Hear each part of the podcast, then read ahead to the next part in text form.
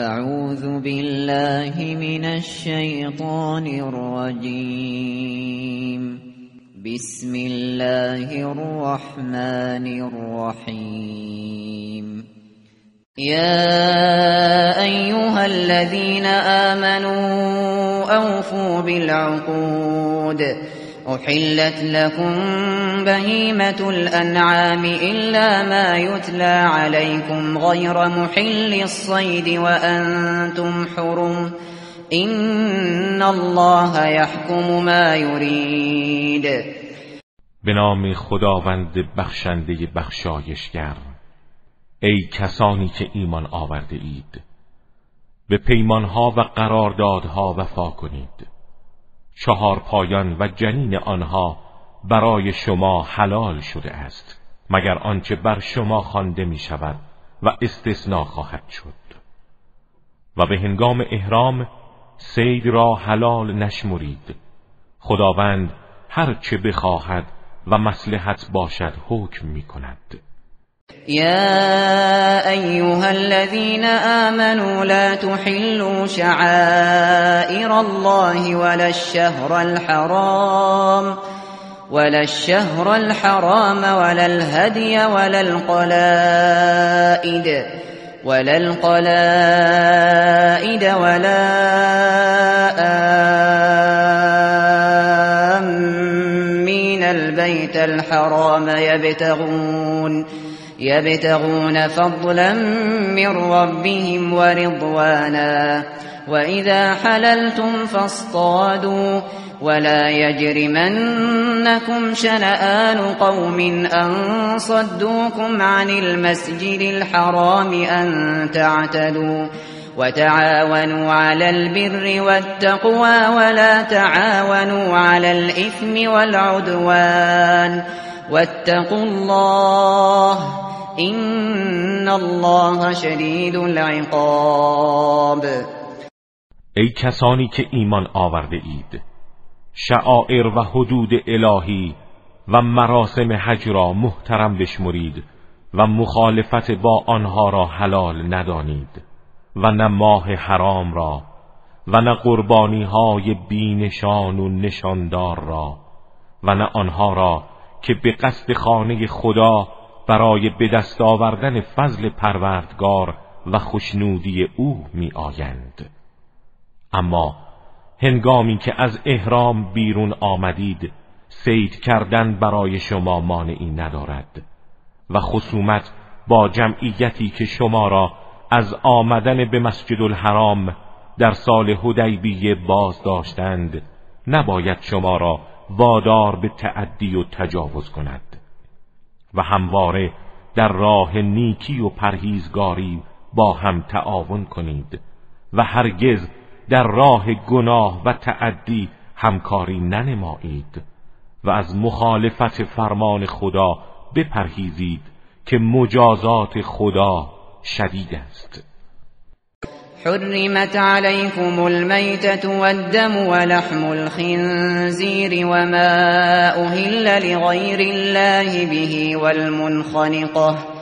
والمنخنقة والموقوذة والمتردية والنطيحة والنطيحة وما أكل السبع إلا ما ذكيتم وما ذبح على النصب وأن تستقسموا وأن تستقسموا بالأزلام ذلكم فسق. اليوم يئس الذين كفروا من دينكم فلا تخشوهم واخشون. اليوم أكملت لكم دينكم وأتممت عليكم نعمتي ورضيت لكم الإسلام دينا. اليوم أكملت لكم دينكم وأتممت عليكم نعمتي ورضيت لكم الإسلام دينا.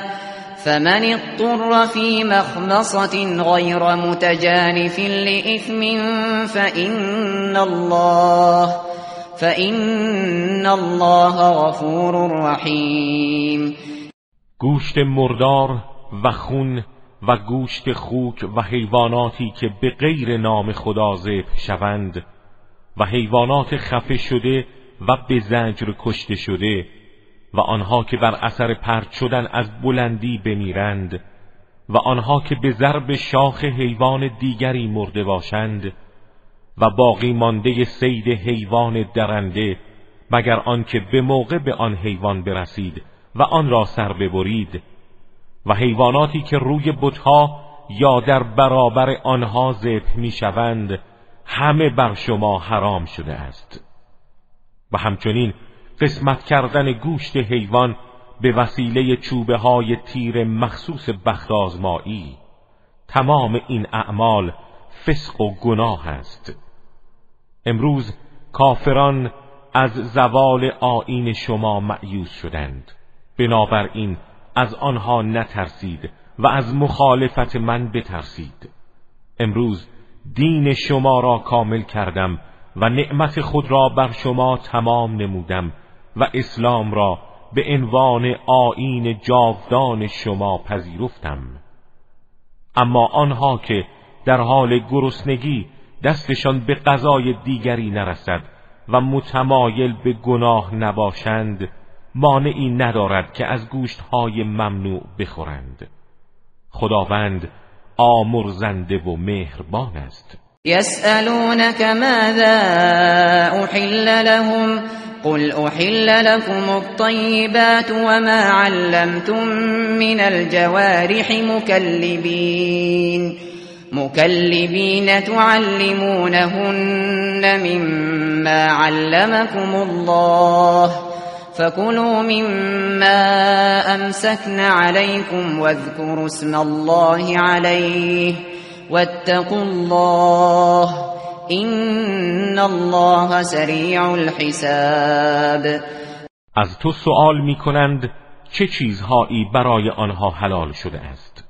بگو آنچه پاکیزه است برای شما حلال گردیده و نیز سید حیوانات شکاری و سگهای آموخته و تربیت یافته که از آنچه خداوند به شما تعلیم داده به آنها یاد داده اید.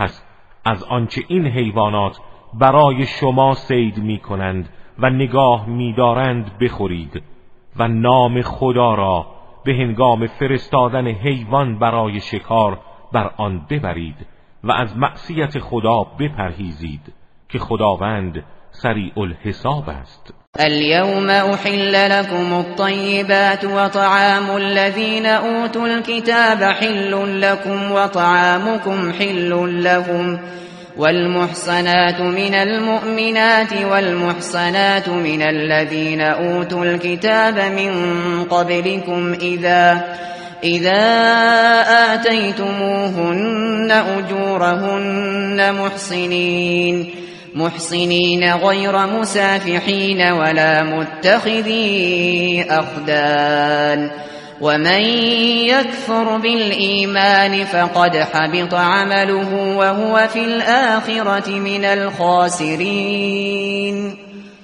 امروز چیزهای پاکیزه برای شما حلال شده و همچنین تعام اهل کتاب برای شما حلال است. و تعام شما برای آنها حلال.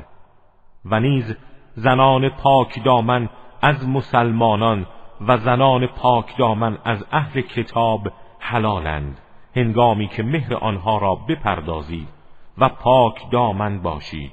نه زناکار و نه دوست پنهانی و نامشروع گیرید. و کسی که انکار کند آنچه را باید به آن ایمان بیاورد اعمال او تباه می گردد و در سرای دیگر از زیانکاران خواهد بود. يا أيها الذين آمنوا إذا قمتم إلى الصلاة فاغسلوا وجوهكم وأيديكم إلى المرافق وامسحوا وامسحوا برؤوسكم وأرجلكم إلى الكعبين وإن كنتم جنبا فاطهروا وإن كنتم مرضى أو على سفر أو جاء أحد منكم أو جاء أحد منكم من الغائط أو لامستم النساء فلم تجدوا فلم تجدوا ماء فتيمموا صعيدا طيبا فامسحوا فامسحوا بوجوهكم وأيديكم منه. ما يريد الله ليجعل عليكم من حرج ولكن ولكن يريد ليطهركم وليتم نعمته عليكم لعلكم تشكرون. ای کسانی که ایمان آورده اید. هنگامی که به نماز می ایستید صورت و دستها را تا آرنج بشویید و سر و پاها را تا مفصل مسخ کنید و اگر جنوب باشید خود را بشویید و غسل کنید. و اگر بیمار یا مسافر باشید یا یکی از شما از محل پستی آمده یا با زنان تماس گرفته و آمیزش جنسی کرده اید و آب برای غسل یا وضو نیابید با خاک پاکی تیمم کنید و از آن بر صورت و دستها بکشید. خداوند نمی‌خواهد مشکلی برای شما ایجاد کند بلکه می‌خواهد شما را پاک سازد و نعمتش را بر شما تمام نماید. شاید شکر او را بجا آورید. واذكروا نعمت الله عليكم وميثاقه الذي واثقكم به إذ قلتم سمعنا وأطعنا.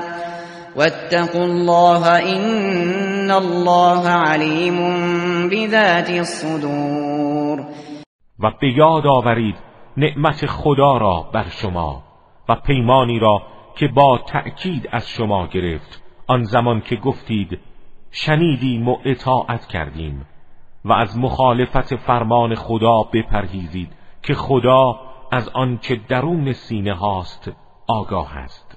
يا أيها الذين آمنوا كونوا قوامين لله شهداء بالقسط ولا يجرمنكم شنآن قوم على ألا تعدلوا اعدلوا هو أقرب للتقوى واتقوا الله إن الله خبير بما تعملون ای کسانی که ایمان آورده اید همواره برای خدا قیام کنید و از روی عدالت گواهی دهید. دشمنی با جمعیتی شما را به گناه و ترک عدالت نکشاند. عدالت کنید که به پرهیزگاری نزدیکتر است و از معصیت خدا بپرهیزید که خداوند از آنچه انجام می‌دهید با خبر است. وعد الله الذين آمنوا وعملوا الصالحات لهم مغفرة وأجر عظیم. خداوند به آنها که ایمان آورده و اعمال صالح انجام داده اند وعده آمرزش و پاداش عظیمی داده است. والذین كفروا وكذبوا بآياتنا اولئك اصحاب الجحیم. و کسانی که کافر شدند و آیات ما را تکذیب کردند اهل دوزخند.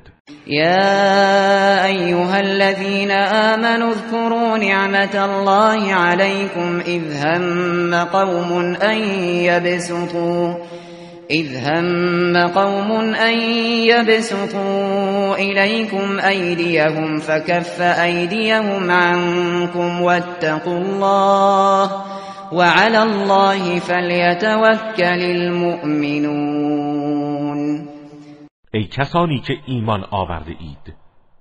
نعمتی را که خدا به شما بخشید به یاد آورید.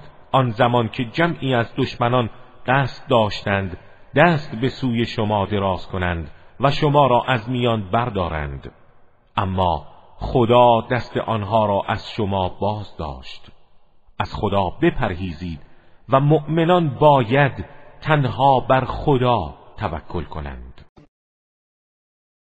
ولقد أخذ الله ميثاق بني إسرائيل وبعثنا منهم اثني عشر نقيبا وقال الله إني معكم لئن أقمتم الصلاة وآتيتم الزكاة وآمنتم برسلي وعزرتموهم وعزرتموهم وأقرضتم الله قرضا حسنا لأكفرن عنكم لأكفرن عنكم سيئاتكم ولأدخلنكم ولأدخلنكم جنات تجري من تحتها الأنهار فمن كفر بعد ذلك منكم فقد ضل سواء السبیل خدا از بنی اسرائیل پیمان گرفت و از آنها دوازده نقیب سرپرست برانگیختیم و خداوند به آنها گفت من با شما هستم اگر نماز را برپا دارید و زکات را بپردازید و به رسولان من ایمان بیاورید و آنها را یاری کنید و به خدا قرض الحسن بدهید. گناهان شما را میپوشانم و شما را در باغهایی از بهشت که نهرها از زیر درختانش جاری است وارد می‌کنم.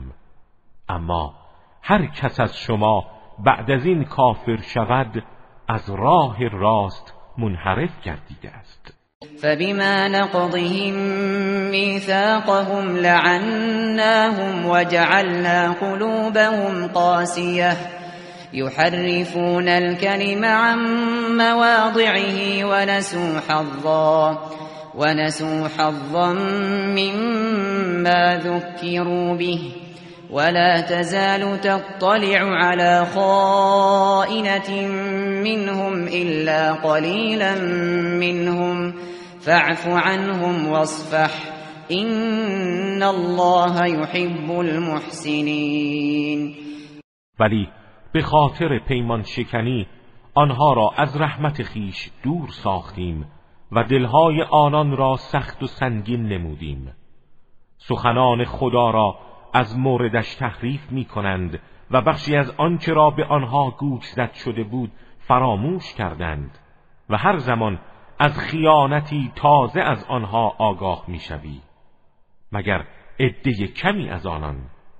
ولی از آنها درگذر و صرف نظر کن که خداوند نیکوکاران را دوست می‌دارد.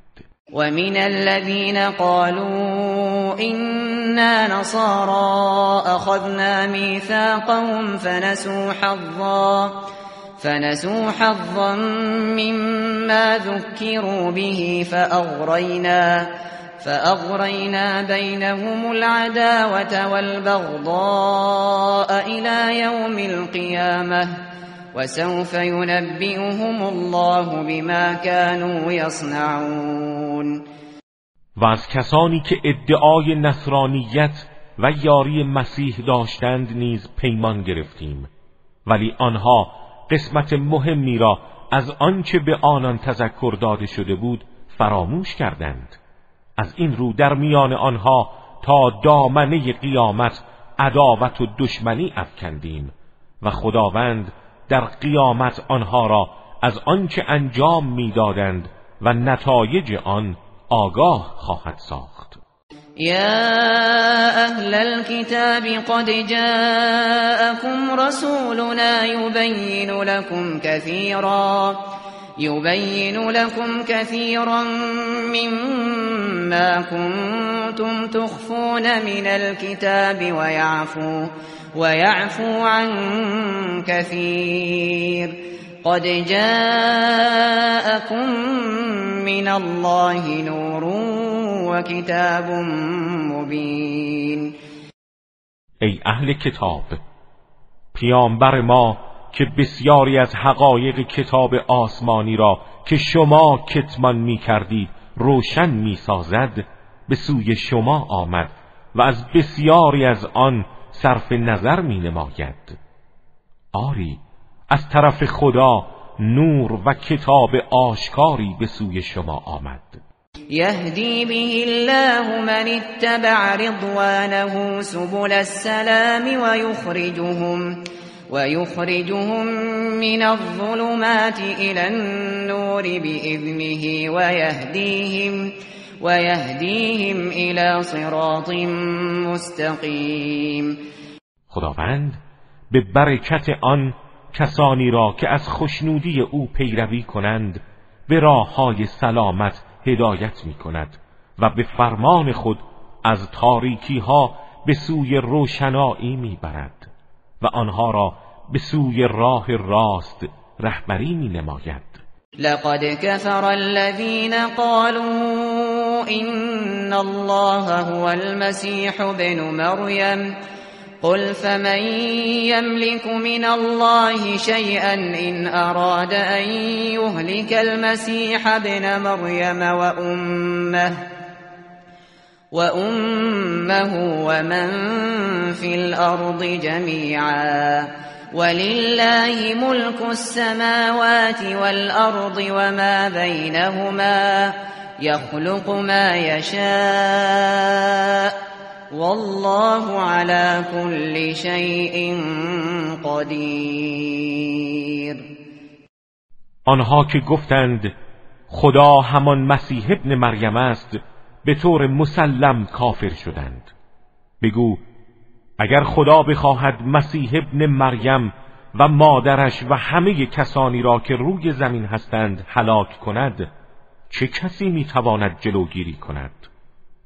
آری حکومت آسمان ها و زمین و آنچه میان آن دو قرار دارد از آن خداست.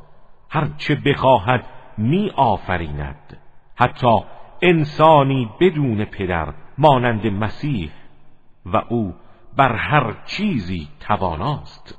وقالت اليهود والنصارى نحن أبناء الله وأحباؤه.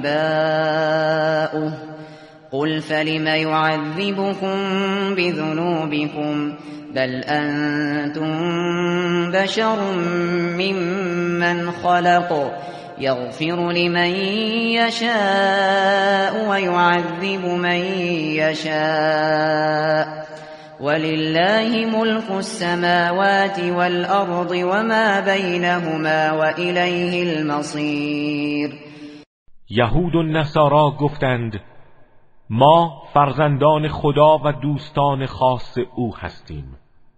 بگو پس چرا شما را در برابر گناهانتان مجازات می کند بلکه شما هم بشری هستید از مخلوقاتی که آفریده؟ هر کس را بخواهد و شایسته بداند میبخشد و هر کس را بخواهد و مستحق بداند مجازات می کند و حکومت آسمان ها و زمین و آنچه در میان آنهاست از آن اوست و بازگشت همه موجودات به سوی اوست. يا أهل الكتاب قد جاءكم رسولنا يبين لكم يبين لكم على فترة من الرسل أن تقولوا ما جاءنا من بشير ولا نذير فقد جاءكم بشير ونذير. والله على كل شيء قدیر ای اهل کتاب رسول ما پس از فاصله و فطرتی میان پیامبران به سوی شما آمد در حالی که حقایق را برای شما بیان می کند تا مبادا روز قیامت بگویید نه بشارت دهنده ای به سراغ ما آمد و نه بین دهنده ای بشارت دهنده و بین دهنده به سوی شما آمد و خداوند بر همه چیز تواناست. و اذ قال موسى لقومه یا قوم اذكروا نعمت الله عليكم اذ جعل فيكم إذ جعل فيكم أنبياء وجعلكم ملوكا وآتاكم وآتاكم ما لم يؤت احدا من العالمین به یاد آورید هنگامی را که موسی به قوم خود گفت ای قوم من نعمت خدا را بر خود متذکر شوید هنگامی که در میان شما پیامبرانی قرار داد و شما را حاکم و صاحب اختیار خود قرار داد و به شما چیزهایی بخشید که به هیچ یک از جهانیان نداده بود. یا قوم دخلوا الارض المقدسة التي كتب الله لكم ولا ترتدوا ولا ترتدوا على ادباركم فتنقلبوا خاسرین ای قوم به سرزمین مقدسی که خداوند برای شما مقرر داشته وارد شوید و به پشت سر خود باز نگردید که زیانکار خواهید بود. قالوا يا موسى إن فيها قوما جبارين وإنا, وإنا لن ندخلها حتى يخرجوا منها فإن يخرجوا منها فإن يخرجوا منها فإنا داخلون گفتند ای موسی در آن سرزمین جمعیتی نیرومند و ستمگرند و ما هرگز وارد آن نمی‌شویم تا آنها از آن خارج شوند. اگر آنها از آن خارج شوند ما وارد خواهیم شد. قال رجلان من الذين يخافون انعم الله عليهم ادخلوا عليهم الباب. فإذا دخلتموه فإنكم غالبون. وعلى الله فتوكلوا إن كنتم مؤمنين. ولی دو نفر از مردانی که از خدا می ترسیدند و خداوند به آنها نعمت داده بود گفتند شما وارد دروازه شهر آنان شوید. هنگامی که وارد شدید پیروز خواهید شد و بر خدا توکل کنید اگر ایمان دارید. قالوا يا موسى إنا لن ندخلها أبدا ما داموا فيها. فاذهب أنت وربك فقاتلا إنا هاهنا قاعدون. بنی اسرائیل گفتند ای موسی تا آنها در آنجا هستند ما هرگز وارد نخواهیم شد. تو و پروردگارت بروید و با آنان بجنگید ما همین جا نشسته ایم. قال رب اینی لا املك الا نفسی و اخی فافرق بیننا و بین القوم الفاسقین موسا گفت پروردگارا من تنها اختیار خودم و برادرم را دارم. میان ما و این جمعیت گنهکار جدایی بیفکن. قال فإنها محرمة عليهم. أربعين سنة يتيهون في الأرض. فلا تأس على القوم الفاسقین خداوند به موسی فرمود این سرزمین مقدس تا چهل سال بر آنها ممنوع است و به آن نخواهند رسید. پیوسته در زمین در این بیابان سرگردان خواهند بود و درباره سرنوشت این جمعیت گنهکار غمگین مباش. واتل عليهم نبأ ابني آدم بالحق إذ قربا قربانا فتقبل من أحدهما ولم يتقبل من الآخر قال لأقتلنك قال إنما يتقبل الله من المتقين و داستان دو فرزند آدم را به حق بر آنها بخوان هنگامی که هر کدام کاری برای تقرب به پروردگار انجام دادند. اما از یکی پذیرفته شد و از دیگری پذیرفته نشد. برادری که عملش مردود شده بود به برادر دیگر گفت به خدا سوگند تو را خواهم کشت. برادر دیگر گفت من چه گناهی دارم زیرا خدا تنها از پرهیزگاران میپذیرد. لئن بسطت إلي يدك لتقتلني ما أنا بباسط يدي إليك لأقتلك. إني أخاف الله رب العالمين. اگر تو برای کشتن من دست دراز کنی من هرگز به قتل تو دست نمی گشایم چون از پروردگار جهانیان می ترسم إني أريد أن تبوء بإثمي وإثمك فتكون من أصحاب النار. وذلك جزاء الظالمين.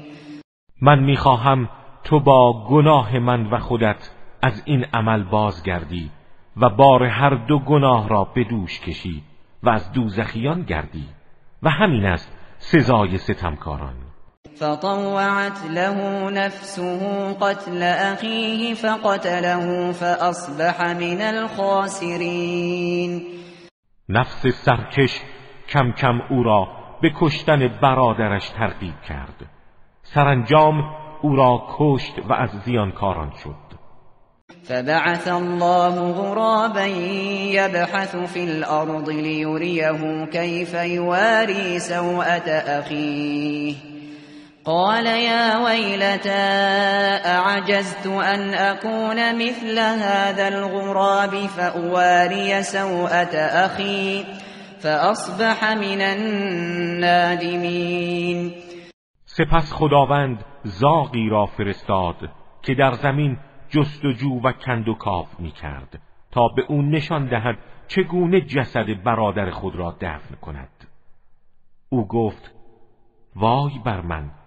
آیا من نتوانستم مثل این زاغ باشم و جسد برادرم را دفن کنم؟ و سرانجام از ترس رسوایی و بر اثر فشار وجدان از کار خود پشیمان شد.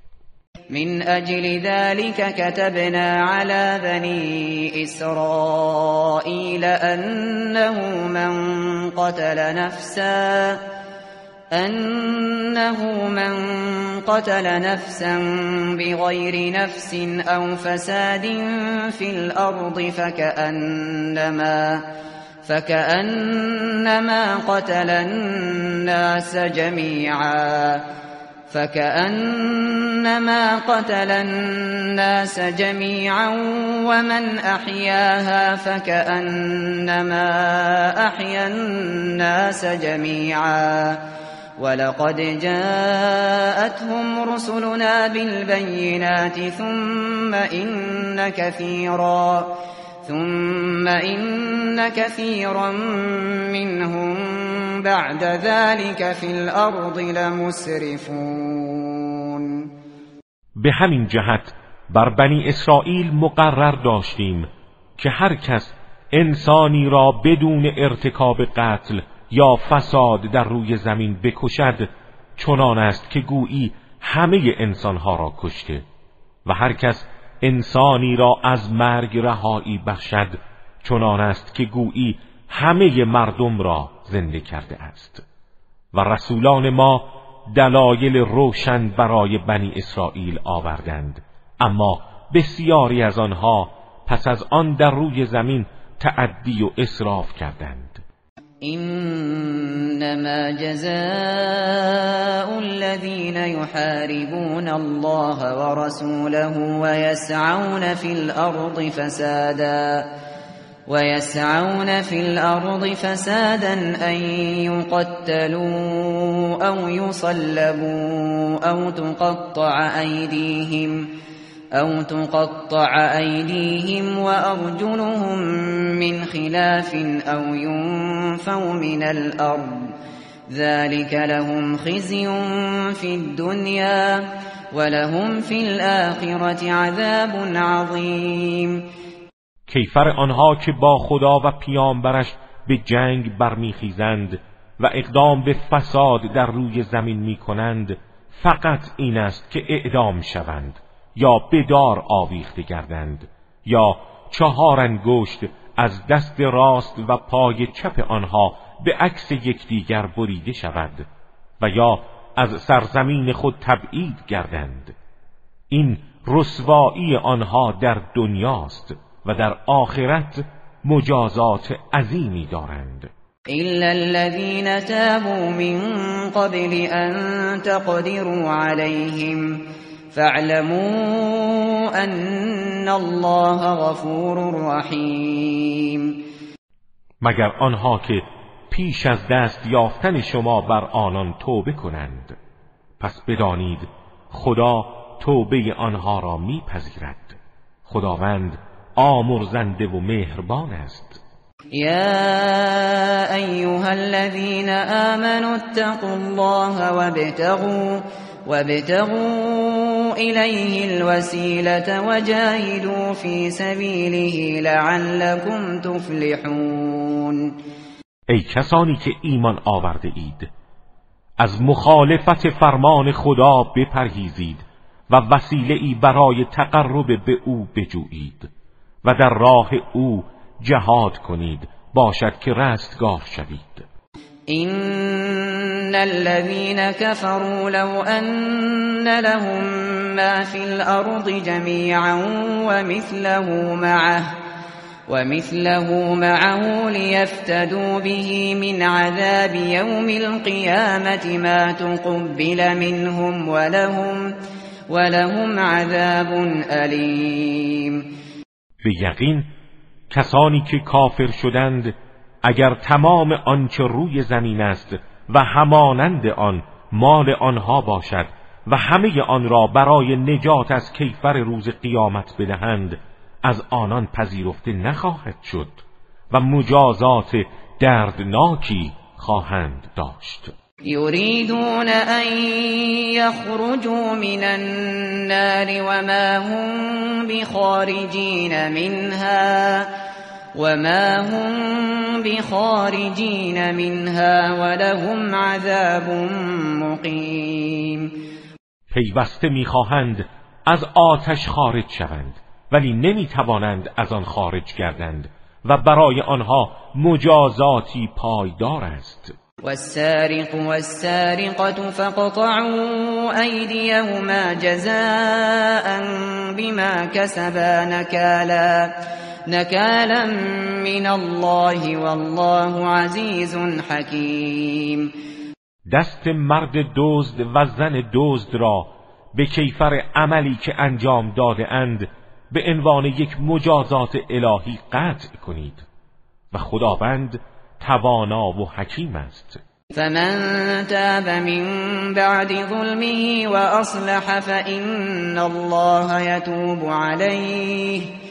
این الله غفور رحیم اما آن کس که پس از ستم کردن توبه و جبران نماید خداوند توبه او را میپذیرد و از این مجازات معاف می شود زیرا خداوند آمرزنده و مهربان است ألم تعلم أن الله له ملك السماوات والأرض يعذب من يشاء يعذب من يشاء ويغفر لمن يشاء. والله على كل شيء قدیر آیا نمیدانی که حکومت و فرمان روایی آسمان ها و زمین از آن خداست؟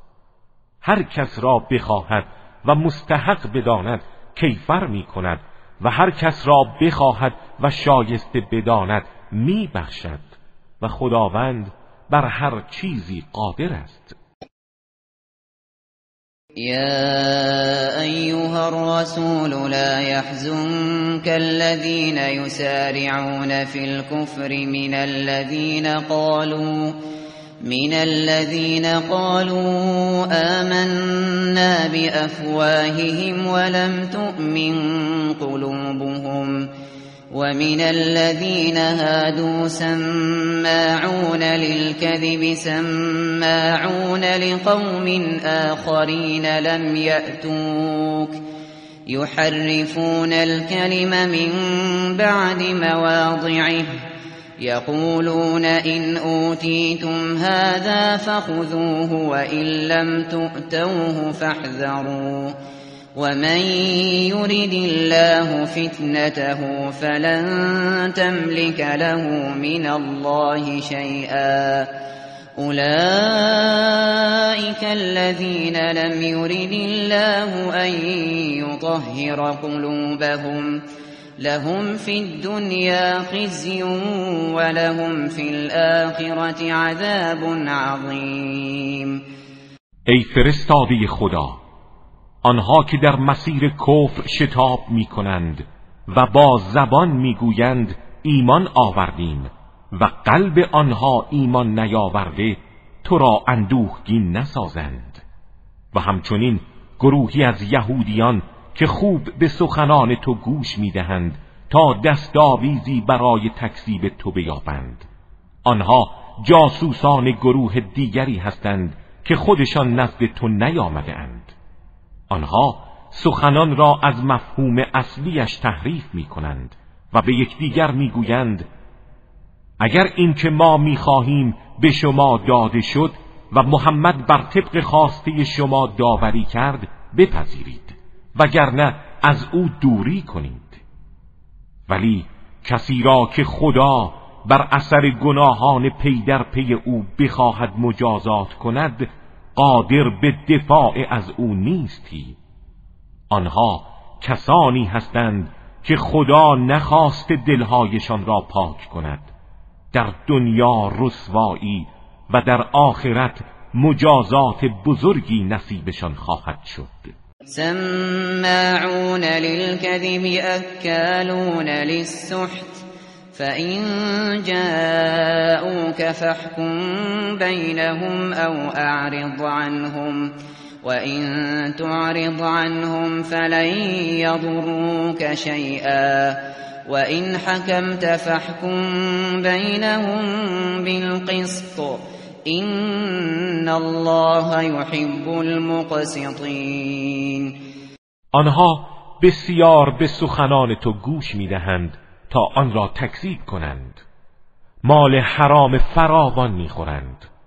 پس اگر نزد تو آمدند در میان آنان داوری کن. یا اگر صلاح دانستی آنها را به حال خود واگذار. و اگر از آنان صرف نظر کنی به تو هیچ زیانی نمیرسانند.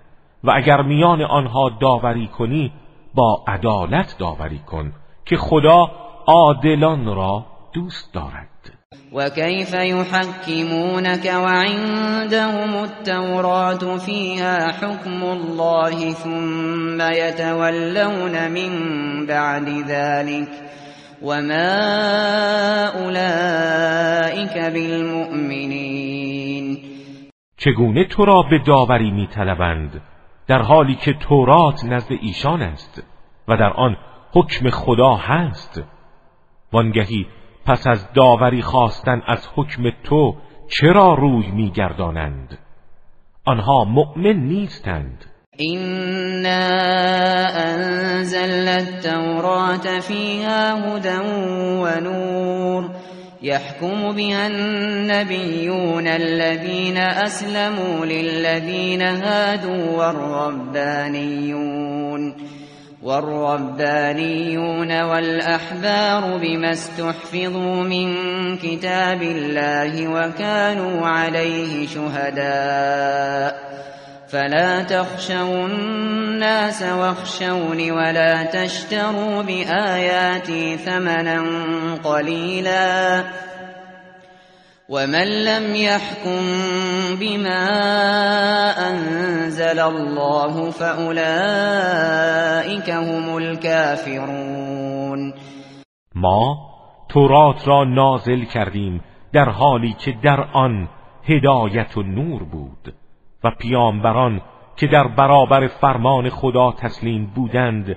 با آن برای یهود حکم می کردند و همچنین علما و دانشمندان به این کتاب که به آنها سپرده شده و بر آن گواه بودند داوری می نمودند بنابراین به خاطر داوری بر طبق آیات الهی از مردم نهراسید و از من بترسید و آیات مرا به بهای ناچیزی نفروشید و آنها که به احکامی که خدا نازل کرده حکم نمی کنند کافرند وكتبنا عليهم فيها أن النفس بالنفس والعين بالعين والأنف بالأنف والأنف بالأنف والأذن بالأذن والسن بالسن والجروح قصاص فمن تصدق به فهو كفارة له ومن لم يحكم بما أنزل الله فأولئك فأولئك هم الظالمون. و بر آنها بنی اسرائیل در آن تورات مقرر داشتیم که جان در مقابل جان و چشم در مقابل چشم و بینی در برابر بینی و گوش در مقابل گوش و دندان در برابر دندان می باشد و هر زخمی قصاص دارد و اگر کسی آن را ببخشد و از قصاص صرف نظر کند کفاره گناهان او محسوب می شود و هر کس به احکامی که خدا نازل کرده حکم نکند ستمگه است. وقفينا على آثارهم بعيسى بن مريم مصدقا مصدقا لما بين يديه من التوراة. وآتيناه الإنجيل فيه هدى ونور ومصدقا لما بين يديه. ومصدقا لما بين يديه من التوراة وهدى وموعظة للمتقين.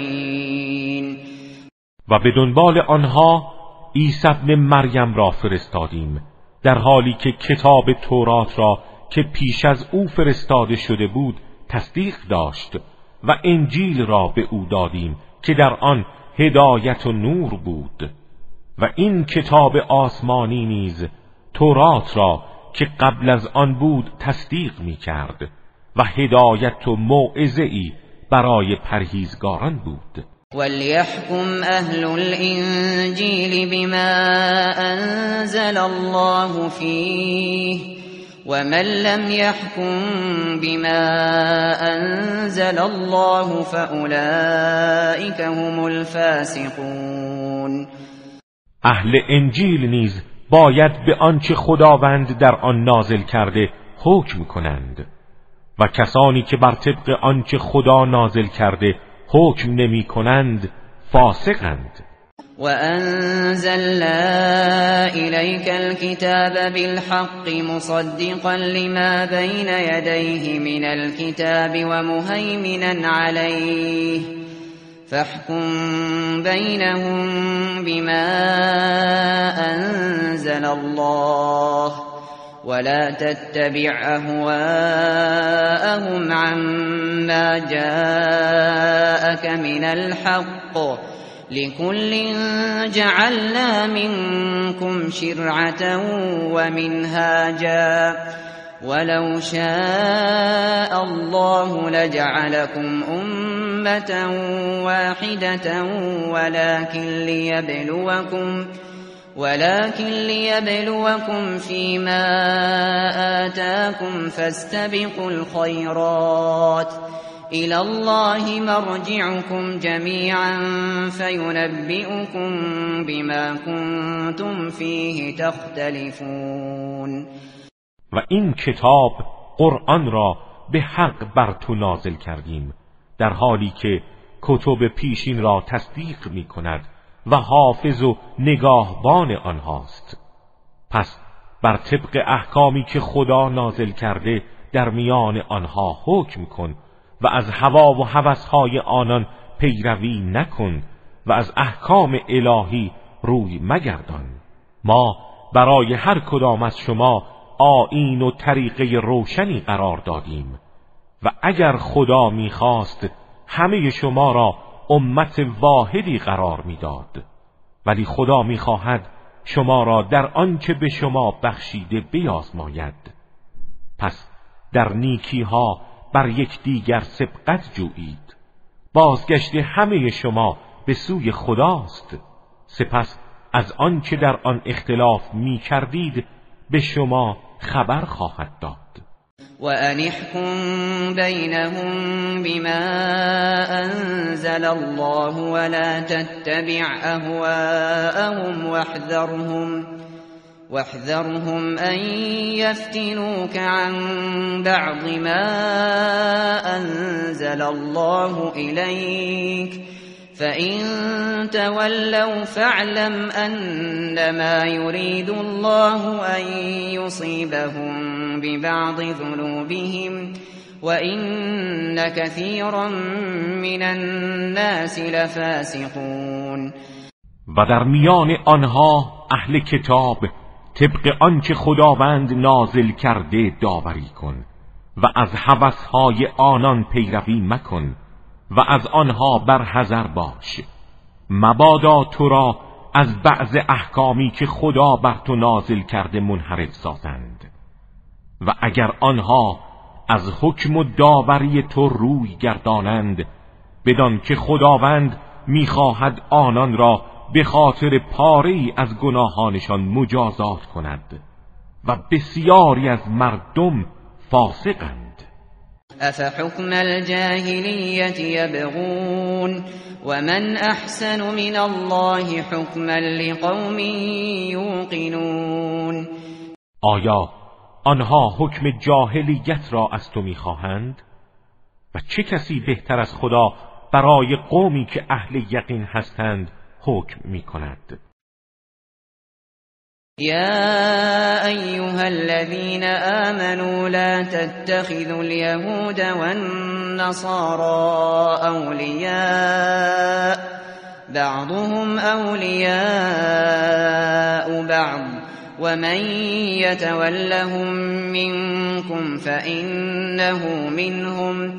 إن الله لا يهدي القوم الظالمين. ای کسانی که ایمان آورده اید یهود و نصارا را ولی و دوست و تکیهگاه خود انتخاب نکنید. آنها اولیای یکدیگرند و کسانی که از شما با آنان دوستی کنند از آنها هستند. خداوند جمعیت ستمکار را هدایت نمی کند. فترى الذين في قلوبهم مرض يسارعون فيهم يقولون يقولون نخشى أن تصيبنا دائرة فعسى الله أن يأتي بالفتح أو أمر من عنده فيصبحوا فيصبحوا على ما أسروا في أنفسهم نادمين. ولی کسانی را که در دلهایشان بیماری است می‌بینی که در دوستی با آنان بر یکدیگر پیشی می‌گیرند و می‌گویند میترسیم حادثه ای برای ما اتفاق بیفتد و نیاز به کمک آنها داشته باشیم. شاید خداوند پیروزی یا حادثه دیگری از سوی خود به نفع مسلمانان پیش بیاورد و این دسته از آنچه در دل پنهان داشتند پشیمان گردند. ويقول الذين آمنوا أهؤلاء الذين أقسموا بالله جهد أيمانهم إنهم لمعكم حبطت اعمالهم فاصبحوا خاسرین آنها که ایمان آورده اند می‌گویند آیا این منافقان همانها هستند که با نهایت تأکید به خدا سوگند یاد کردند که با شما هستند؟ چرا کارشان به اینجا رسید؟ آری اعمالشان نابود گشت و زیانکار شدند. يا أيها الذين آمنوا من يرتد منكم عن دينه فسوف يأتي الله بقوم فسوف يأتي الله بقوم يحبهم ويحبونه أذلة على المؤمنين أذلة على المؤمنين أعزة على الكافرين يجاهدون في سبيل الله ولا يخافون لومة لائم. ذلك فضل الله يؤتيه من يشاء. والله واسع علیم ای کسانی که ایمان آورده اید هر کس از شما از آین خود بازگردد به خدا زیانی نمیرساند. خداوند جمعیتی را می آورد که آنها را دوست دارد و آنان نیز او را دوست دارند. در برابر مؤمنان متواضع و در برابر کافران سرسخت و نیرومندند. آنها در راه خدا جهاد می کنند و از سرزنش هیچ ملامتگری حراسی ندارند. این فضل خداست که به هر کس بخواهد و شایسته ببیند می‌دهد. و فضل خدا وسیع و خداوند داناست. انما وليكم الله ورسوله والذين آمنوا الذين يقيمون الصلاة. الذين يقيمون الصلاة ويؤتون الزكاة وهم راكعون. سرپرست و ولی شما تنها خداست و پیامبر او و آنها که ایمان آورده اند. همانها که نماز را برپا می‌دارند و در حال رکوع زکات می‌دهند. و من یتول الله ورسوله والذین آمنوا فإن حزب الله فإن حزب الله هم الغالبون و کسانی که ولایت خدا و پیامبر او و افراد با ایمان را بپذیرند پیروزند. زیرا حزب و جمعیت خدا پیروز است.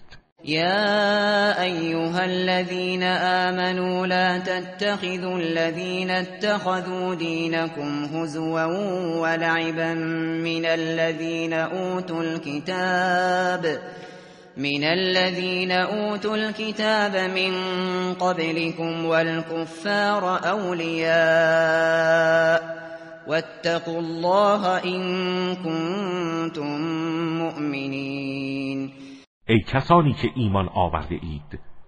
افرادی از اهل کتاب که آیین شما را به باد استهزا و بازی می‌گیرند و مشرکان را ولی خود انتخاب نکنید و از خدا بپرهیزید اگر ایمان دارید. وَإِذَا نَادَيْتُمْ إِلَى الصَّلَاةِ اتَّخَذُوهَا هُزُوًا وَلَعِبًا ذَلِكَ بِأَنَّهُمْ قَوْمٌ لَا يَعْقِلُونَ. آنها هنگامی که از آن می‌گویید و مردم را به نماز فرا می‌خوانید آن را به مسخره و بازی می‌گیرند. این به خاطر آن است که آنها جمعی نابخردند. قل يا أهل الكتاب هل تنقمون منا إلا إلا أن آمنا بالله وما أنزل إلينا وما أنزل من قبل وأن أكثركم وأن أكثركم فاسقون. بگو ای اهل کتاب آیا به ما خورده می‌گیرید؟ مگر ما چه کرده ایم؟ جز اینکه به خداوند یگانه و به آنچه بر ما نازل شده و به آنچه پیش از این نازل گردیده ایمان آورده ایم؟ و این به خاطر آن است که بیشتر شما از راه حق خارج شده اید.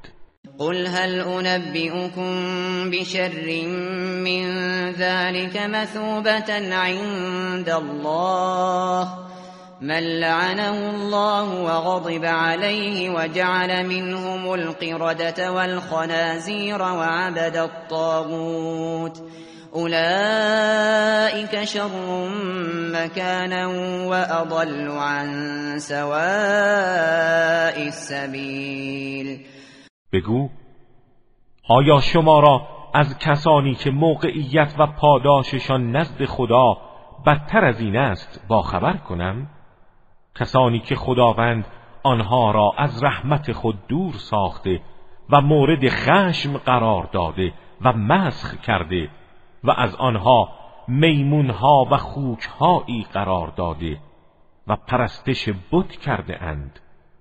موقعیت و محل آنها بدتر است و از راه راست گمراه ترند.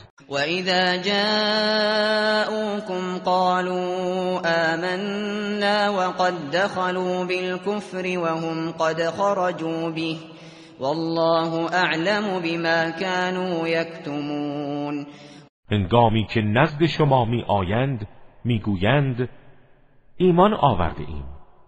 اما با کفر وارد می شوند و با کفر خارج می گردند و خداوند از آنچه کتمان می کردند آگاه تر است. و ترا کثیرا منهم یسارعون فی الاثم والعدوان و اکلهم السحت. لبئس ما كانوا یعملون بسیاری از آنان را می‌بینی که در گناه و تعدی و خوردن مال حرام شتاب می‌کنند چه زشت است کاری که انجام می‌دادند. لولا ينهاهم الربانيون والأحبار عن قولهم الإثم وأكلهم السحت لبئس ما كانوا يصنعون.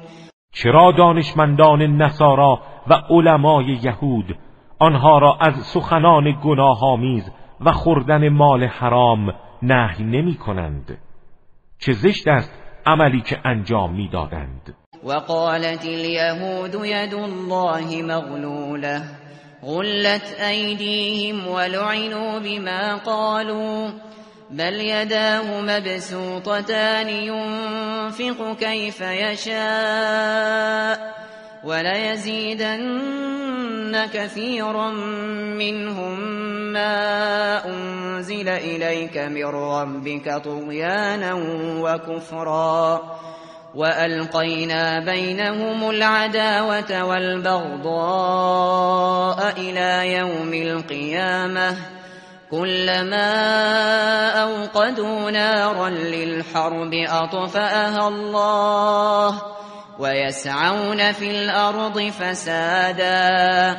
والله لا يحب المفسدين. و یهود گفتند دست خدا با زنجیر بسته است. دستهایشان بسته باد و به خاطر این سخن از رحمت الهی دور شوند. بلکه هر دو دست قدرت او گشاده است. هر گونه بخواهد میبخشد. ولی این آیات که از طرف پروردگارت بر تو نازل شده بر تقیان و کفر بسیاری از آنها می افزاید و ما در میان آنها تا روز قیامت عداوت و دشمنی افکندیم. هر زمان آتش جنگی افروختند خداوند آن را خاموش ساخت و برای فساد در زمین تلاش می کنند و خداوند مفسدان را دوست ندارد. ولو أن أهل الكتاب آمنوا واتقوا لكفرنا عنهم سيئاتهم ولأدخلناهم ولأدخلناهم جنات النعیم و اگر اهل کتاب ایمان بیاورند و تقوا پیشه کنند گناهان آنها را میبخشیم و آنها را در باغهای پرنعمت بهشت وارد می‌سازیم. ولو أنهم أقاموا التوراة والإنجيل وما أنزل إليهم من ربهم لأكلوا لأكلوا من فوقهم ومن تحت أرجلهم. منهم امت مقتصده وكثير منهم ساء ما يعملون. و اگر آنان تورات و انجیل و آنچه را از سوی پروردگارشان بر آنها نازل شده قرآن برپا دارند از آسمان و زمین روزی خواهند خورد. جمعی از آنها معتدل و میان رو هستند ولی بیشترشان اعمال بدی انجام می‌دهند. يا أيها الرسول بلغ ما أنزل إليك من ربك وإن لم تفعل فما بلغت رسالته. والله يعصمك من الناس. إن الله لا يهدي القوم الكافرين. ای پیامبر آنچه از طرف پروردگارت بر تو نازل شده است کاملا به مردم برسان و اگر نکنی رسالت او را انجام نداده ای خداوند تو را از خطرات احتمالی مردم نگاه می دارد و خداوند جمعیت کافران لجوج را هدایت نمی کند قل يا أهل الكتاب لستم على شيء حتى تقيموا التوراة والإنجيل وما أنزل إليكم وما أنزل إليكم من ربكم وليزيدن كثيرا منهم ما أنزل إليك من ربك طغيانا وكفرا فلا تأس على القوم الكافرین بگو ای اهل کتاب شما هیچ آیین صحیحی ندارید مگر اینکه تورات و انجیل و آنچه را از طرف پروردگارتان بر شما نازل شده است برپا دارید. ولی آنچه بر تو از سوی پروردگارت نازل شده بر تقیان و کفر بسیاری از آنها می افزاید بنابراین از این قوم کافر و مخالفت آنها غمگین مباش. إن الذين آمنوا والذين هادوا والصابئون والنصارى من آمن بالله من آمن بالله واليوم الآخر وعمل صالحا فلا خوف عليهم ولا هم يحزنون. آنها که ایمان آورده اند و یهود و سابعان و مسیحیان هرگاه به خداوند یگانه و روز جزا ایمان بیاورند و عمل صالح انجام دهند نه ترسی بر آنهاست و نه غمگین خواهند شد. لقد أخذنا ميثاق بني إسرائيل وأرسلنا إليهم رسلا كلما جاءهم رسول بما لا تهوى أنفسهم فريقا كذبوا فريقا كذبوا وفريقا يقتلون. ما از بنی اسرائیل پیمان گرفتیم و رسولانی به سوی آنها فرستادیم. ولی هر زمان پیامبری حکمی بر خلاف هوسها و دلخواه آنها می آورد ادعی را تکذیب می کردند و ادعی را می کشتند و حسبوا الا تكون فتنة فعموا وصموا ثم تاب الله عليهم ثم تاب الله عليهم ثم عموا وصموا كثير منهم والله بصیر بما يعملون. گمان کردند مجازاتی در کار نخواهد بود. از این رو از دیدن حقایق و شنیدن سخنان حق نابینا و کر شدند. سپس بیدار گشتند و خداوند توبه آنها را پذیرفت. دیگر بار در خواب قفلت فرو رفتند و بسیاری از آنها کور و کر شدند و خداوند به آنچه انجام می‌دهند بیناست. لقد كفر الذين قالوا إن الله هو المسيح ابن مريم. وقال المسيح يا بني إسرائيل اعبدوا الله ربي وربكم إنه من يشرك بالله فقد حرم الله عليه الجنة ومأواه النار وما للظالمین من أنصار. آنها که گفتند خداوند همان مسیح فرزند مریم است به یقین کافر شدند. با این که خود مسیح گفت ای بنی اسرائیل خداوند یگانه را که پروردگار من و شماست پرستش کنید. زیرا هر کس شریکی برای خدا قرار دهد خداوند بهشت را بر او حرام کرده است و جایگاه او دوزخ است. و ستمکاران یار و یاوری ندارند. لقد كفر الذين قالوا إن الله ثالث ثلاثة وما من إله إلا إله واحد وإن لم ينتهوا عما يقولون ليمسن ليمسن الذين كفروا منهم عذاب أليم.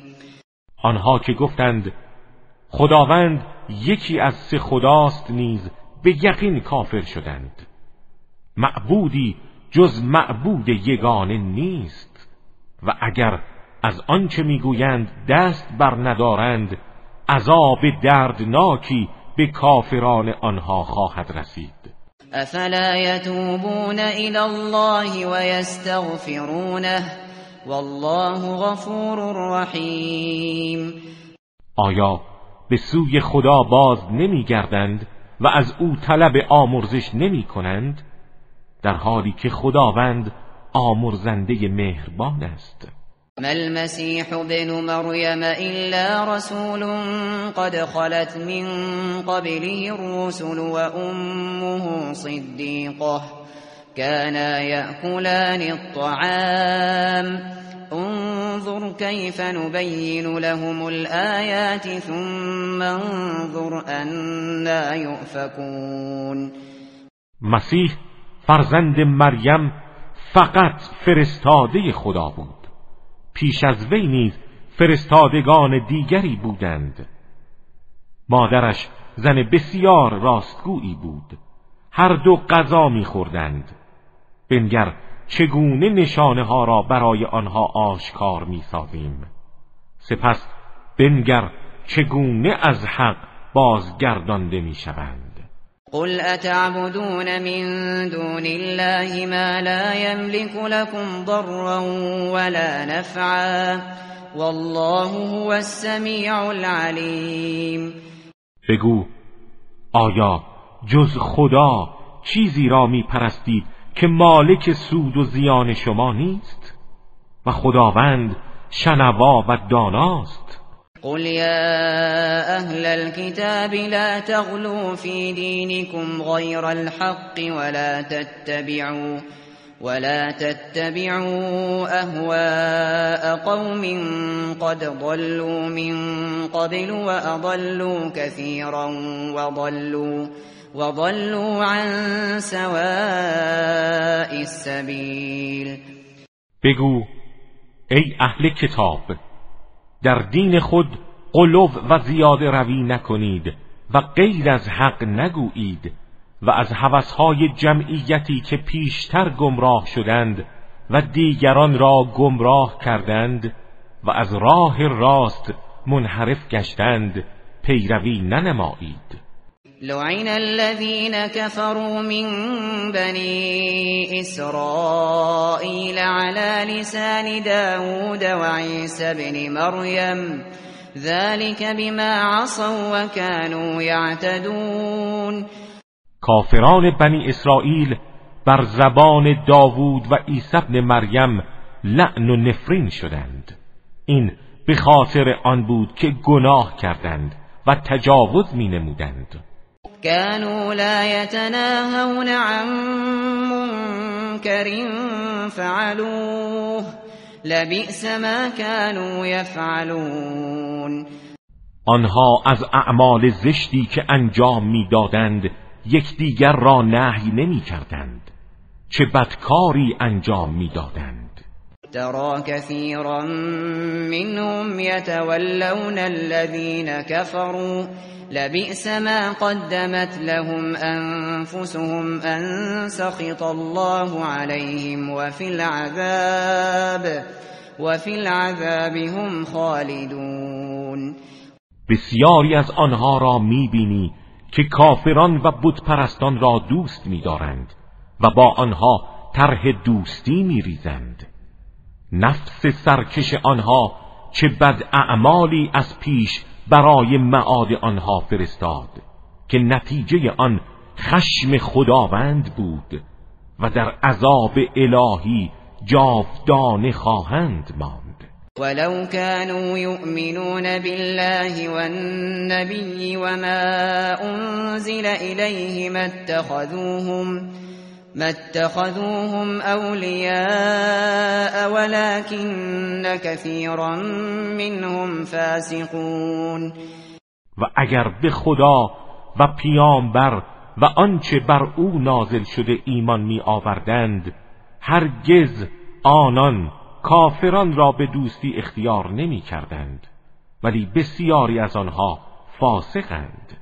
لتجدن أشد الناس عداوة للذين آمنوا اليهود والذين أشركوا ولتجدن أقربهم مودة للذين آمنوا الذين قالوا إنا نصارى. ذلك بأن منهم قسيسين ورهبانا وأنهم لا يستكبرون. به طور مسلم دشمنترین مردم نسبت به مؤمنان را یهود و مشرکان خواهی یافت و نزدیکترین دوستان به مؤمنان را کسانی میابی که می‌گویند ما نصارا هستیم. این به خاطر آن است که در میان آنها افرادی عالم و تارک دنیا هستند و آنها در برابر حق تکبر نمیورزند. و اذا سمعوا ما انزل الى الرسول ترى ترى اعينهم تفيض من الدمع مما عرفوا من الحق يقولون يقولون ربنا آمنا فاكتبنا مع الشاهدین و هر زمان آیاتی را که بر پیامبر نازل شده بشنوند چشمهای آنها را می‌بینی که از شوق اشک میریزد به خاطر حقیقتی که دریافتند آنها می‌گویند پروردگارا ایمان آوردیم پس ما را با گواهان و شاهدان حق در زمره یاران محمد بنویس. وما لنا لا نؤمن بالله وما جاءنا من الحق ونطمع أن يدخلنا ونطمع أن يدخلنا ربنا مع القوم الصالحين. چرا ما به خدا و آنچه از حق به ما رسیده است ایمان نیاوریم. در حالی که آرزو داریم پروردگارمان ما را در زمره صالحان قرار دهد. فأثابهم الله بما قالوا جنات جنات تجري من تحتها الأنهار خالدين فيها وذلك جزاء المحسنين. خداوند به خاطر این سخن به آنها باغهایی از بهشت پاداش داد که از زیر درختانش نهرها جاری است. جاودانه در آن خواهند ماند و این است جزای نیکوکاران. والذین كفروا وكذبوا بآياتنا اولئك اصحاب الجحیم. و کسانی که کافر شدند و آیات ما را تکذیب کردند همانها اهل دوزخند. يا أيها الذين آمنوا لا تحرموا طيبات ما أحل الله لكم ولا تعتدوا. إن الله لا يحب المعتدين ای کسانی که ایمان آورده اید چیزهای پاکیزه را که خداوند برای شما حلال کرده است حرام نکنید و از حد تجاوز ننمایید زیرا خداوند متجاوزان را دوست نمیدارد. و کلوا مما رزقكم الله حلالا طیبا واتقوا الله الذي انتم به مؤمنون و از نعمتهای حلال و پاکیزه‌ای که خداوند به شما روزی داده است بخورید و از مخالفت خداوندی که به او ایمان دارید بپرهیزید. لا يؤاخذكم الله باللغو في أيمانكم ولكن ولكن يؤاخذكم بما عقدتم الأيمان. فكفارته إطعام عشرة مساكين من أوسط ما تطعمون أهليكم أو كسوتهم أو كسوتهم أو تحرير رقبة فمن لم يجد فصيام ثلاثة أيام ذلك كفارة أيمانكم إذا حلفتم واحفظوا أيمانكم. كذلك يبين الله لكم آياته لعلكم تشكرون. خداوند شما را به خاطر سوگندهای بیهوده و خالی از اراده معاخذه نمی کند. ولی در برابر سوگندهایی که از روی اراده محکم کرده اید معاخذه می نماید. کفاره این گونه قسمها اطعام ده نفر مستمند از غذاهای معمولی است که به خانواده خود می دهید یا لباس پوشاندن بر آن ده نفر و یا آزاد کردن یک برده و کسی که هیچ کدام از اینها را نیابد سه روز روزه می‌گیرد. این کفاره سوگندهای شماست به هنگامی که سوگند یاد می کنید و مخالفت می نمایید. و سوگندهای خود را حفظ کنید و نشکنید. خداوند آیات خود را این چنین برای شما بیان می کند. شاید شکر او را به جا آورید. یا ایها الذین آمنوا انما الخمر والمیسر والانصاب والازلام والازلام رجس من عمل الشیطان فاجتنبوه لعلكم تفلحون. ای کسانی که ایمان آورده اید شراب و قمار و بتها و ازلام نوعی بخت آزمایی پلید و از عمل شیطان است. از آنها دوری کنید تا رستگار شوید. إنما يريد الشيطان أن يوقع بينكم العداوة والبغضاء في الخمر والميسر ويصدكم ويصدكم عن ذكر الله وعن الصلاة فهل أنتم منتهون؟ شیطان میخواهد به وسیله شراب و قمار در میان شما عداوت و کینه ایجاد کند و شما را از یاد خدا و از نماز باز دارد آیا خودداری خواهید کرد؟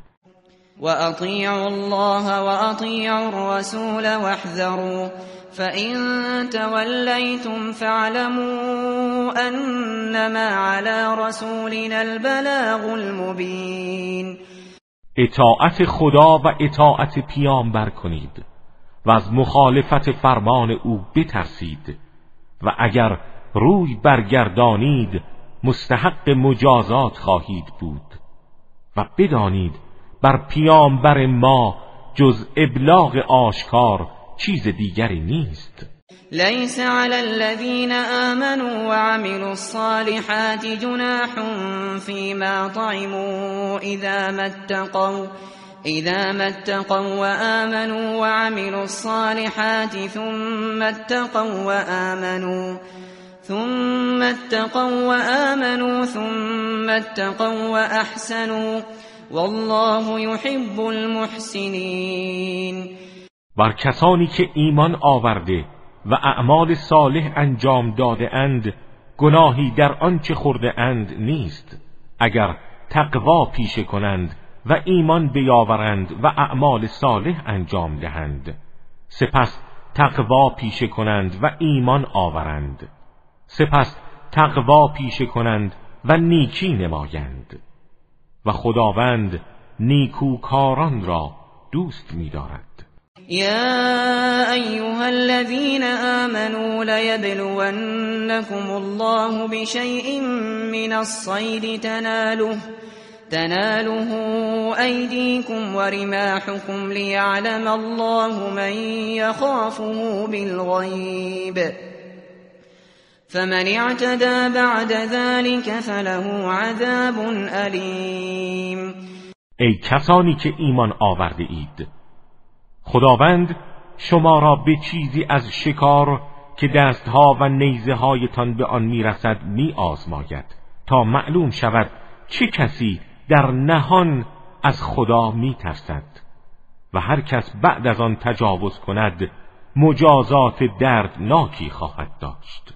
يا أيها الذين آمنوا لا تقتلوا الصيد وأنتم حرم ومن قتله منكم متعمدا فجزاء مثل ما قتل فجزاء مثل ما قتل من النعم يحكم به ذوى عدل منكم هديا هديا بالغ الكعبة أو كفارة طعام مساكين أو عدل ذلك صياما أو عدل ذلك صياما ليذوق وبال أمره. عفى الله عما سلف ومن عاد فينتقم الله منه. والله عزيز ذو انتقام. ای کسانی که ایمان آورده اید در حال احرام شکار نکنید. و هر کس از شما عمدن آن را به قتل برساند باید کفاره ای معادل آن از چهار پایان بدهد. کفاره ای که دو نفر عادل از شما معادل بودن آن را تصدیق کنند و به صورت قربانی به حریم کعبه برسد یا به جای قربانی اطعام مستمندان کند یا معادل آن روزه بگیرد تا کیفر کار خود را بچشد. خداوند گذشته را عفو کرده ولی هر کس تکرار کند خدا از او انتقام می‌گیرد. و خداوند توانا و صاحب انتقام است. احل لكم صيد البحر وطعامه متاعا لكم وللسيارة وحرم عليكم صيد البر ما دمتم حرما واتقوا الله الذي إليه تحشرون سید دریا و تعام آن برای شما و کاروانیان حلال است تا در حال احرام از آن بهرهمند شوید. ولی مادام که محرم هستید شکار صحرا برای شما حرام است و از نافرمانی خدایی که به سوی او محشور می‌شوید بترسید. جعل الله الكعبة البيت الحرام قياما للناس والشهر الحرام والشهر الحرام والهدي والقلائد ذلك لتعلموا أن الله يعلم ما في السماوات وما في الأرض وأن الله وأن الله بكل شيء عليم. خداوند کعبه بیت الحرام را وسیله ای برای استواری و سامان بخشیدن به کار مردم قرار داده و همچنین ماه حرام و قربانی های بینشان و قربانی های نشاندار را. این گونه احکام حساب شده و دقیق به خاطر آن است که بدانید خداوند آنچه در آسمان ها و آنچه در زمین است می‌داند و خدا به هر چیزی داناست.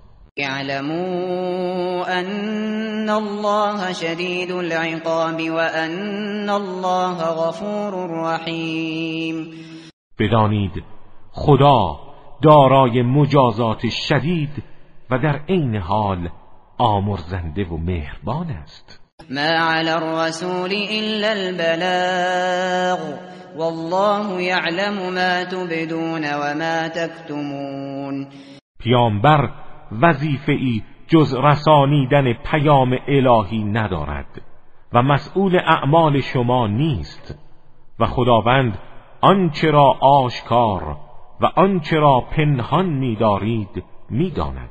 قل لا يستوي الخبيث والطيب ولو أعجبك كثرة الخبيث. فاتقوا الله يا أولي الألباب لعلكم تفلحون. بگو هیچگاه ناپاک و پاک مساوی نیستند هرچند فزونی ناپاک ها تو را به شگفتی اندازد. از مخالفت خدا بپرهیزید ای صاحبان خرد. شاید رستگار شوید. يا أيها الذين آمنوا لا تسألوا عن أشياء إن تبد لكم تسؤكم وإن تسألوا وإن تسألوا عنها حين ينزل القرآن تبد لكم عفى الله عنها والله غفور حلیم ای کسانی که ایمان آورده اید از چیزهایی نپرسید که اگر برای شما آشکار گردد شما را ناراحت می کند و اگر به هنگام نزول قرآن از آنها سؤال کنید برای شما آشکار می شود. خداوند آنها را بخشیده است و خداوند آمرزنده و بردبار است. قد سألها قوم من قبلكم ثم اصبحوا بها كافرین جمعی از پیشینیان شما از آن سؤال کردند و سپس با آن به مخالفت برخواستند ما جعل الله من بحیرة ولا سائبة ولا وصیله ولا وصيلة ولا حام ولكن الذين كفروا يفترون على الله الكذب وأكثرهم لا يعقلون.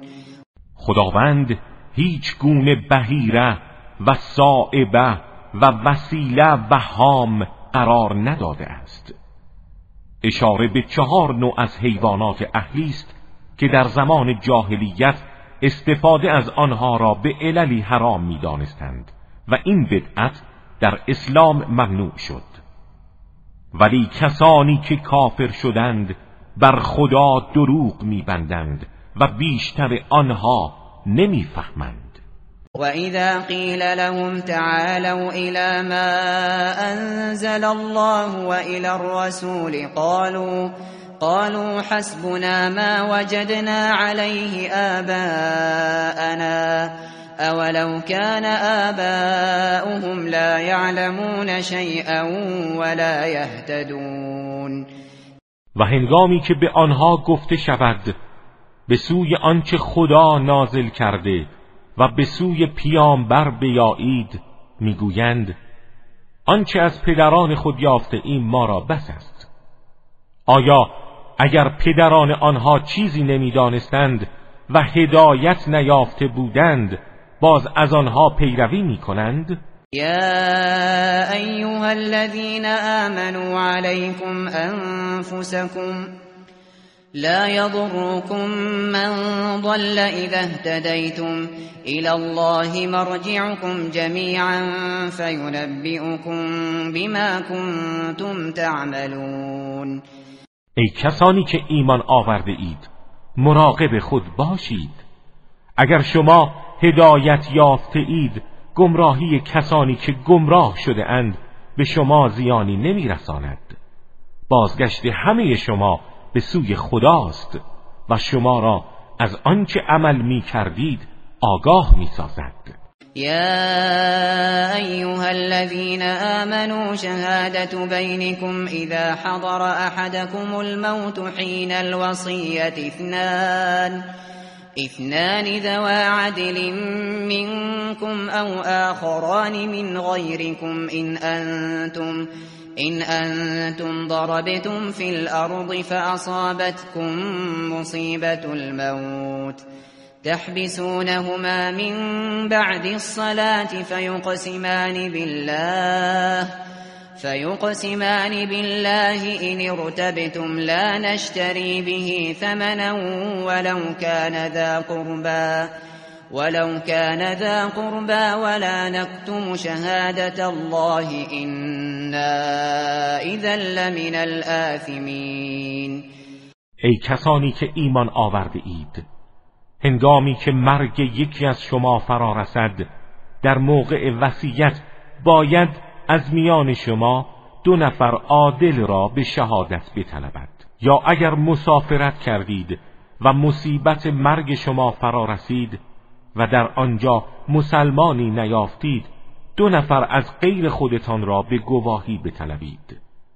و اگر به هنگام ادای شهادت در صدق آنها شک کردید آنها را بعد از نماز نگاه می‌دارید تا سوگند یاد کنند که ما حاضر نیستیم حق را به چیزی بفروشیم هرچند در مورد خیشاوندان ما باشد و شهادت الهی را کتمان نمی کنیم که از گناهکاران خواهیم بود. فإن عثر على أنهما استحقا إثما فآخران فآخران يقومان مقامهما من الذين استحق عليهم الأوليان فيقسمان فيقسمان بالله لشهادتنا أحق من شهادتهما وما اعتدينا وما اعتدينا إنا إذا لمن الظالمين. و اگر اطلاعی حاصل شود که آن دو مرتکب گناهی شده اند و حق را کتمان کرده اند دو نفر از کسانی که نسبت به میت اولا هستند به جای آنها قرار می‌گیرند و به خدا سوگند یاد می کنند که گواهی ما از گواهی آن دو به حق نزدیکتر است و ما تجاوزی نکرده ایم که اگر چنین کرده باشیم از ظالمان خواهیم بود. ذلك أدنى أن يأتوا بالشهادة على وجهها أو يخافوا أو يخافوا أن ترد أيمان بعد أيمانهم.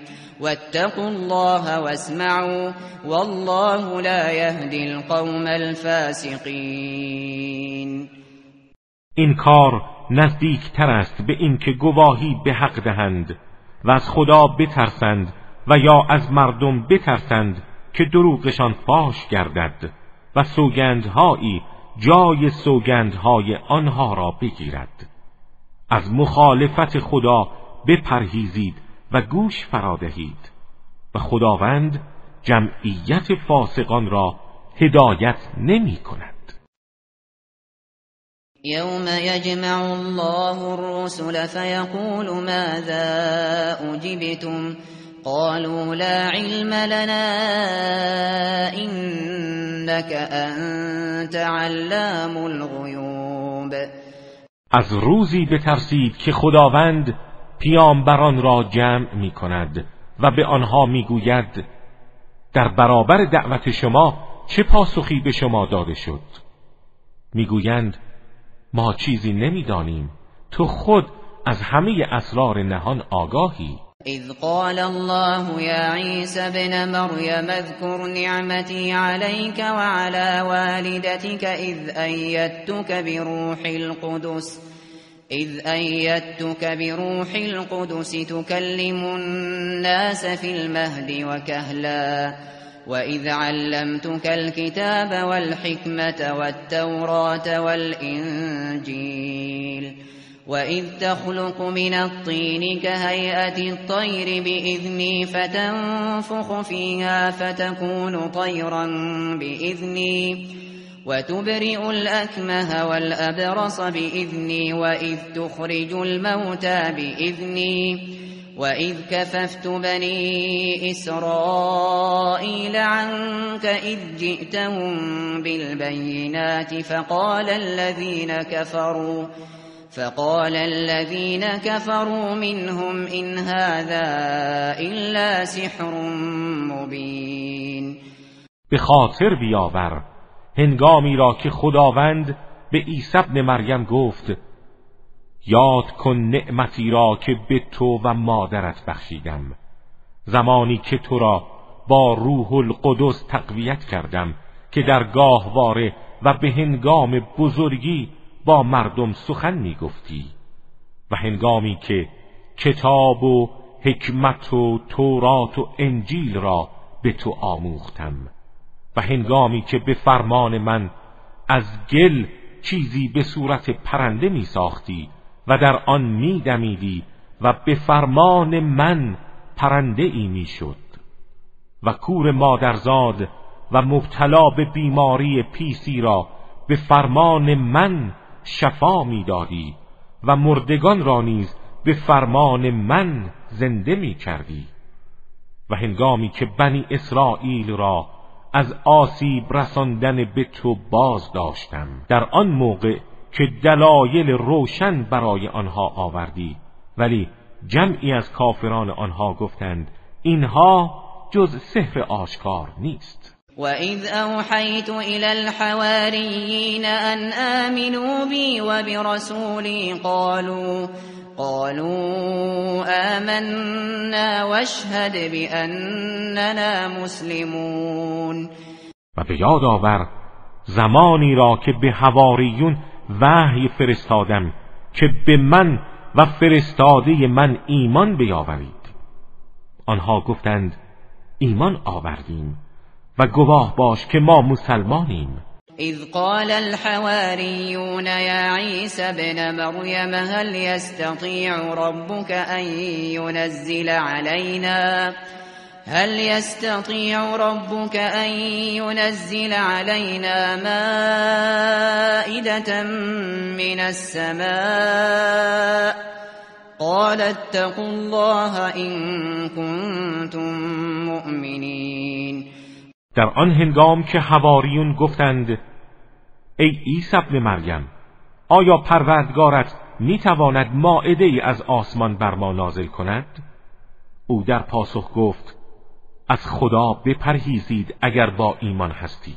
قالوا نريد أن نأكل منها وتطمئن قلوبنا ونعلم أن قد صدقتنا ونكون عليها. ونكون عليها من الشاهدين. گفتند ما نظر بدی نداریم. می‌خواهیم از آن بخوریم و دلهای ما به رسالت تو مطمئن گردد و بدانیم به ما راست گفته ای و بر آن گواه باشیم. قال عيسى بن مريم اللهم ربنا انزل علينا اللهم ربنا انزل علينا مائدة من السماء تكون تكون لنا عيدا لأولنا وآخرنا وآية منك وارزقنا وأنت خير الرازقين عیسی ابن مریم عرض کرد خداوندا پروردگارا از آسمان ماعده ای بر ما بفرست تا برای اول و آخر ما ایدی باشد و نشانه ای از تو و به ما روزی ده. تو بهترین روزی دهندگانی. قال الله اینی منزلها علیکم فمن يكفر بعد منكم فإني أعذبه عذابا فإني أعذبه عذابا لا أعذبه أحدا من العالمين خداوند دعای او را مستجاب کرد و فرمود من آن را بر شما نازل می کنم ولی هر کس از شما بعد از آن کافر گردد و راه انکار پوید او را مجازاتی می کنم که احدی از جهانیان را چنان مجازات نکرده باشم. وإذ قال الله يا عيسى ابن مريم أأنت قلت للناس اتخذوني وأمي إلهين أأنت قلت للناس اتخذوني وأمي إلهين من دون الله؟ قال سبحانك ما يكون لي أن أقول ما ليس لي بحق. إن كنت قلته فقد علمته. تعلم ما في نفسي ولا أعلم ما في نفسك. إنك أنت علام الغيوب. و آنگاه که خداوند به عیسی ابن مریم می‌گوید آیا تو به مردم گفتی که من و مادرم را به عنوان دو معبود غیر از خدا انتخاب کنید؟ او می‌گوید منزهی تو. من حق ندارم آنچه را که شایسته من نیست بگویم. اگر چون این سخنی را گفته باشم تو میدانی. تو از آنچه در روح و جان من است آگاهی و من از آنچه در ذات پاک توست آگاه نیستم. به یقین تو از تمام اسرار و پنهانی ها با خبری. ما قلت لهم إلا ما امرتنی به أن اعبدوا الله ربي وربكم وكنت عليهم شهيدا ما دمت فيهم فلما توفيتني كنت أنت الرقيب عليهم وأنت على كل شيء. وأنت على كل شيء شهید من جز آنچه مرا به آن فرمان دادی چیزی به آنها نگفتم. به آنها گفتم خداوندی را بپرستید که پروردگار من و پروردگار شماست. و تا زمانی که در میان آنها بودم مراقب و گواهشان بودم. ولی هنگامی که مرا از میانشان برگرفتی تو خود مراقب آنها بودی و تو بر هر چیز گواهی. این تعذبهم فإنهم عبادك إن تعذبهم فإنهم عبادك وإن تغفر لهم فإنك أنت العزیز الحکیم با این حال اگر آنها را مجازات کنی بندگان تو اند. و اگر آنان را ببخشی توانا و حکیمی.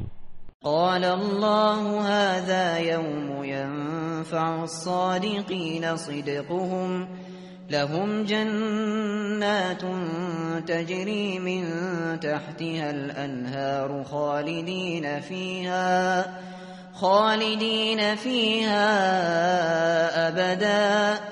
رضي الله عنهم ورضوا عنه. ذلك الفوز العظيم.